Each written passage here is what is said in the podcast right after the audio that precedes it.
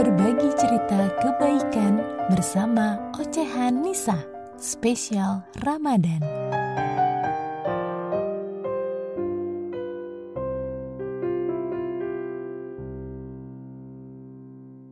Enam tahun sudah Diah Putri Ambarwati mendedikasikan dirinya untuk pasien atresia bilier bayi dengan gangguan hati kronis.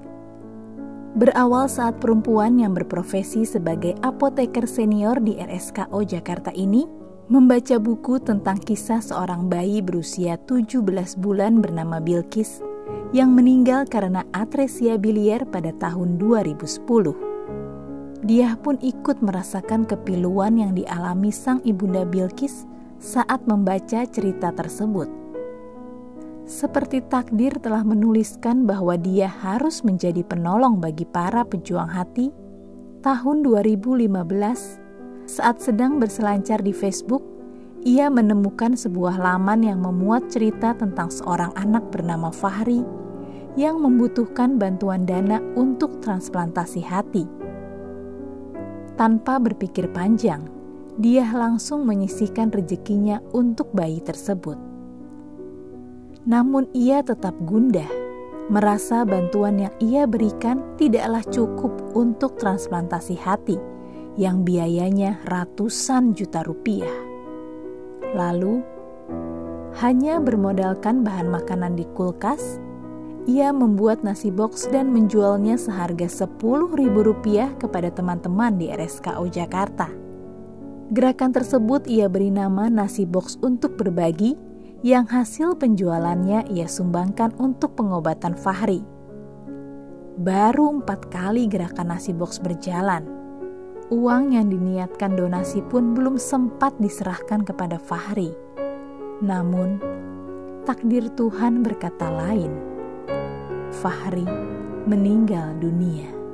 Di timeline Facebook ada seorang ibu yang anaknya menderita atresia biliar. Ini kan kayak kayak kerunutan gitu ya. Kok aku harus dipertemukan sama si ibu yang aku nggak kenal ini gitu ya? Yang anaknya menderita atresia biliar yang akhirnya ya udah aku mau ketemu ah aku mau kenalan gitu. Dan dari dia aku akhirnya tahu bahwa oh atresia biliar seperti ini. Awalnya aku donasi sendiri paling ya eh, donasi aku waktu itu paling cuma bisa buat beli pampers atau eh, beli susu. Mungkin bisa jadi nggak sampai karena harga susunya satu kali itu tiga ratus ribu kan kok kayaknya kalau aku bantu sendiri kayaknya aku nggak bisa gitu. Nasi kotak itu baru berjalan sekitar empat kali anaknya meninggal keburu meninggal. Nah terus aku kayak duh patah hati banget ya. Ini kayak patah hati banget kayak orang lagi jatuh cinta terus diputus gitu ya. Kayak ya ampun gue lagi sayang sayangnya sama dia gitu. Donasi pun belum aku belum aku kasih karena karena kan uh, uh, aku masih nunggu ngumpul gitu masih nunggu ngumpul nih kayak satu batch lagi satu kali lagi nih. Tapi anaknya keburu meninggal terus akhirnya uh, uang yang sudah terkumpul waktu itu sudah aku, aku berikan. Kemudian orang tuanya berpesan mbak jangan berhenti sampai di sini karena Fahri pasti akan senang banget kalau mbak dia bisa bantu teman-temannya yang lain kayak gitu. Tahun 2017 ia dan teman-temannya mulai mendirikan rumah singgah pejuang hati sebagai bentuk cintanya kepada para pasien atresia bilier bayi dengan gangguan hati kronis. Sebuah rumah berlantai dua dengan delapan kamar tidur ia sewa tepat di belakang Rumah Sakit Cipto Mangunkusumo sebagai tempat singgah pejuang hati yang sedang melakukan pengobatan di Jakarta. Kini, empat tahun Rumah Singgah Pejuang Hati berdiri dan sudah menjadi tempat berteduh puluhan pejuang hati. Perjalanan mendirikan rumah singgah pejuang hati tidak berjalan selalu mulus. Cobaan kerap menerpa. Namun, tak sedikit pun semangatnya pudar. Untuk dia, pantang mengemis dan mencari belas kasihan orang lain. Seribu cara ia lakukan, disertai doa dan bantuan dari para tangan-tangan dermawan untuk rumah singgah pejuang hati cinta dan tatapan penuh harap para bayi atresia bilier yang selalu membuatnya tidak memiliki alasan untuk menyerah. Jadi memang benar-benar ngerasain bagaimana kita ngumpulin yang dari satu pasien, dua pasien, tiga pasien sampai sekarang tergabung di grup Telegram itu ada sekitar 200 nggak boleh ngerasa capek nggak boleh ngerasa lelah. Karena kalau sampai lelah capek dan pengen berhenti pengen mundur kesian mereka nggak ada tempat buat mereka. Jadi serendah-rendahnya pun titik yang kita alami kita rasakan nggak bisa nggak boleh juga itu kita keluarkan kita tampakkan kayak gitu. Walaupun ada lah ya tapi ya bagaimana akhirnya kembali lagi gimana kita memaintain memaintain diri kita lagi supaya kita nggak sampai ke titik terendah itu gitu. Yang hebat itu bukan aku tapi mereka. Karena mereka yang menghebatkan gitu ya yang luar biasa itu mereka bukan aku. Sebenarnya yang butuh itu bukan mereka tapi aku yang butuh. Aku yang butuh untuk deket sama mereka. Aku yang butuh silaturahmi sama mereka komunikasi sama mereka. Dengan deket sama mereka aku kayak lebih ngerasa bersyukur. Dengan deket sama mereka aku merasa kuat gitu. Kita yang butuh untuk berbuat baik gitu. Kita yang butuh untuk mendapat tempat. Dampak pandemi COVID-19 pun dirasakan oleh dia dan teman-temannya di rumah singgah pejuang hati perempuan yang dinobatkan sebagai ASN inspiratif dalam anugerah ASN 2020 ini, dengan mata berkaca-kaca dan penuh haru, ia menceritakan titik terendahnya yang sempat dialami. Nanti mungkin ada kalanya ya kita akan makan nasi pakai kerupuk doang aku bilang gitu ya aku mikirin bukan dapur aku aku mikirin tujuh keluarga yang ada di situ gitu. Mereka takutnya nggak bisa makan mereka takutnya nggak ada lauk yang bisa dibuat buat buat makan gimana gitu ya.